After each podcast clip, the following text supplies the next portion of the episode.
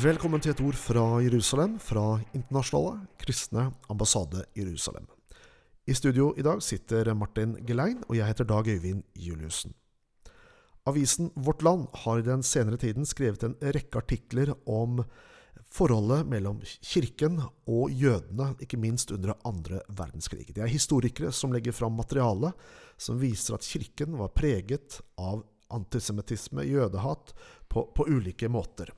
Og det er også nedsatt en kommisjon i Den norske kirke som skal se på forholdet mellom kirken og jødefolket. Og eh, dette er ikke et tema som er si, av nyere dato, at kirken har vært preget av fiendtlige holdninger og hat mot jødene. Men dette er noe som ligger nedgravd eh, gjennom en lang historie i, i kirken. Og en av de store kirkefedrene han het Johannes Krysostomos. Eh, hans etternavn betød Gullmunn. Han var kjent som en dyktig taler og retoriker. Han var kjent for sin veltalenhet, men når han begynte å snakke om jødene, så forsvant all veltalenhet. Og han sier, eller han uttalte, eh, og jeg siterer, synagogen er verre et bordell. Den er slyngelens hule, demonenes tempel, innviet til avguderiets kulter.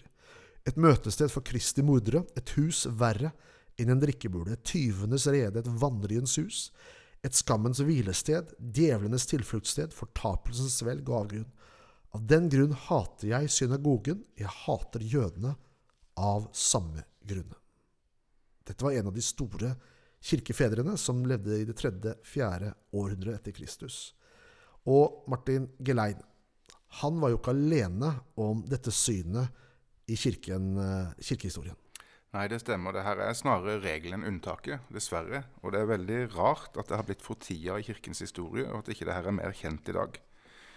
Leser du kirkefedrene, så ser du at det er gjennomsyra av mørkt og svart jødehat. Allerede fra Justin Martyr, som er født 100 år etter Jesus. Han utelukka muligheten for at jødefolket kunne komme fram til omvendelse og tro på Jesus. Han ga jødene skylda for Jesu død, og som følge av det så hadde jødene for alltid tapt sine rettigheter og Det gamle testamentets løfte var overført til kirken. Han, Justin Martyr mente til og med at landet tilhørte de kristne. Så Israel og Jerusalem det var kristnes land. Eh, så har du Tertulian, som kommer 100 år etterpå. Han skrev en avhandling som heter 'Mot jødene'. Og Han skriver at eh, kirken gjorde jødefolk og Det gamle testamentet overflødig. Altså til og med testamentet eh, ble overført til, til de kristne. Eh, du har Origenes. Han var en av de mest betydningsfulle kirkefedrene som eh, levde samtidig med, med Tertulian. Og han mente at ødeleggelsen av Jerusalem og forvisningen av jødene var Guds vitnesbyrd om at jødene ikke lenger var hans folk. Han skrev de vil aldri komme tilbake i sin tidligere tilstand, for de har begått en forbrytelse av det mest ugudelige slag ved sammensvergelse mot menneskehetens frelser. Origenes mente at for det her fantes det ingen tilgivelse og ingen forsoning. Så eh, den ene kirkefaderen etter den andre smørte det her inn. Så når eh, det, den romerske keiseren innsamla til kirkemøtet i Nikea i 325, så var de enige om det her, og det her ble til praktisk politikk i hele det romerske riket. Og Da sier f.eks. Eh, Konstantin da, i det møtet at jødene er forurensede uslinger, og jødedommen er en ond og pervers sekt. Og han sier La oss ikke ha noe som helst med jødene å gjøre. De er våre motstandere, og vi må sørge for at vi ikke lenger har noen ting felles med disse parasittene som har tatt liv av vår Herre. Dette er altså tonen gjennom kirken fra, eh, fra kirkefedrene for ca. 1700-1800 eh, år tilbake. Eh, og da kan man tenke at det var den gang, det. Men, men slik er jo ikke historien. For eh, når vi går over 1000 år senere i kirkehistorien, opp til reformasjonen, som brakte en stor forandring inn i kirken, og til Martin Luther, så ble det jo dessverre ingen reformasjon i synet på jødene i kirken. Tvert imot så opprettholdt Martin Luther denne, dette budskapet og denne kursen. Og i 1542 og 43 skrev han to hefter hvor han angrep jødene.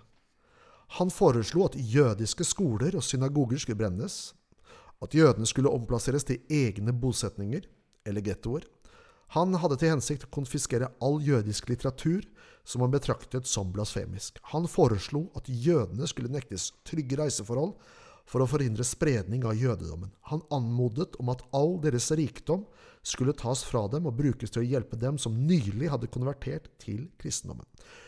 Luthers endelige uttalelse om jødene var 'vi gjør feil ved ikke å utrydde dem', ifølge boken 'When the Cross Became a Sword' av Richard Booker.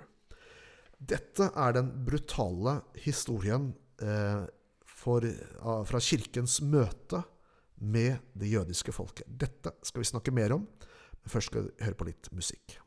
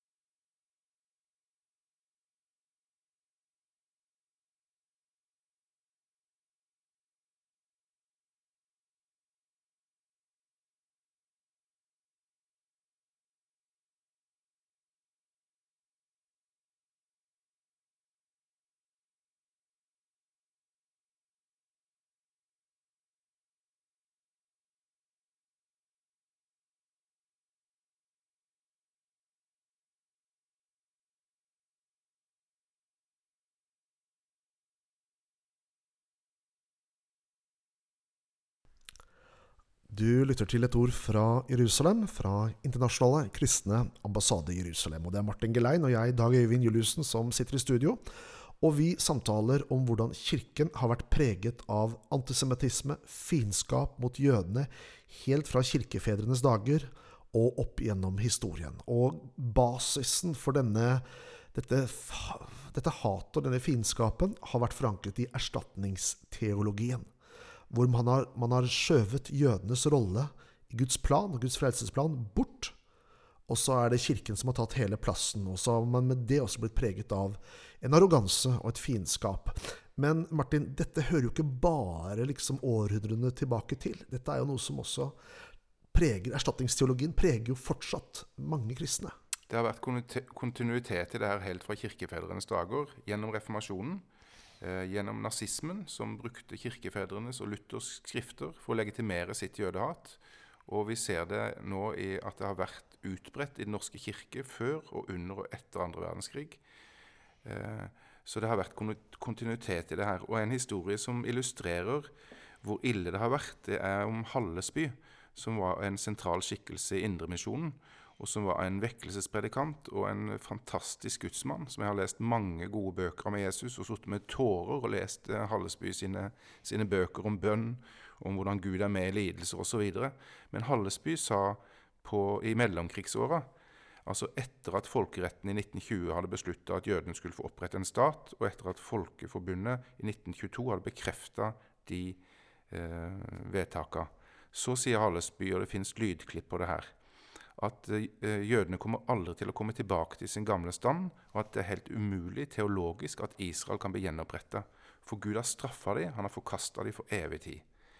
Eh, og det er den læra som til og med en så skjønn og reinhjerta og ivrig eh, og ekte god norsk lutheransk forkynner formidler og videreformidler. Så det viser at det her har satt spor i hele måten vi tenker om jødene på og Israel på. Og I dag så er det jo mange, også i Frikirke-Norge, eh, hvor, hvor, Israel er et ikke-tema i veldig mange kristne konferanser, gudstjenester, ungdomsarbeid. Eh, hvor man ikke berører det, til tross for at Bibelen sier så mye om dette landet og dette folket. Her er det behov for en forsoning. Her er det behov for forsoning. Eh, og jeg har lest om forsoningsprosesser gjennom, mellom etniske grupper, f.eks. etter konfliktene på Balkan, eller mellom etiopere og Eritrea og andre etniske grupper i Afrika. Så, så, snakker man om hva er forsoning, og hva skal til for å skape en reell forsoning. Og Da snakker man om at partene må, må erkjenne det man har gjort. Man må ta ansvar for. Man må anerkjenne den andres opplevelse, og man må skifte sinn, vise vilje til å endre seg. Og dette har ikke skjedd i forhold til Den norske kirke f.eks., og andre kristne grupper, og jødene. Tvert imot så fortsetter en å være arrogant. En fortsetter med den samme skråsikre retorikken og en tydelighet som viser en arroganse som ikke anerkjenner historien, ikke snakker om det og ikke forholder seg til det. Mm. Biskop i Borg, Atle Sommerfelt, han definerer kristnes støtte til Israel som teologisk uholdbart og hans teologiske kollegaer i søsterkirken i Palestina definerer det som synd å støtte Israel og uforenlig med det å være kristen. Så her er det en skråsikkerhet som fortsatt preger de sin måte å uttale seg på og forholde seg til både historien og den situasjonen. Mm. Dette føyer seg inn i en historie i kirken som uh, vi trenger å se en endring på. Dessverre, ja. Og hva kan vi gjøre med dette? Det er vi kan jo ikke annet enn å be om tilgivelse for den historien som har vært. Men enda viktigere er det jo hva vi gjør i dag. Og jeg tenker at her for oss kristne så er jo svaret å gå tilbake til hva Guds ord sier, hva Skriften lærer oss. Hvilken rolle dette folket fortsatt har i Guds store frelsesplan. At Guds pakt med jødene er ikke avbrutt, den gjelder fortsatt. Og det er Gud som står bak denne nasjonen eh, i, i, gjennom sin eh, frelsesplan, gjennom hele historien. Og at vi som kristne vi står i gjeld til dem. Ja, da har vi kommet til veis ende i dagens sending. Du har hørt på et ord fra Jerusalem, fra Internasjonale kristne ambassade Jerusalem. I studio i dag satt Martin Gelein og jeg, Dag Øyvind Juliussen. Takk for følget.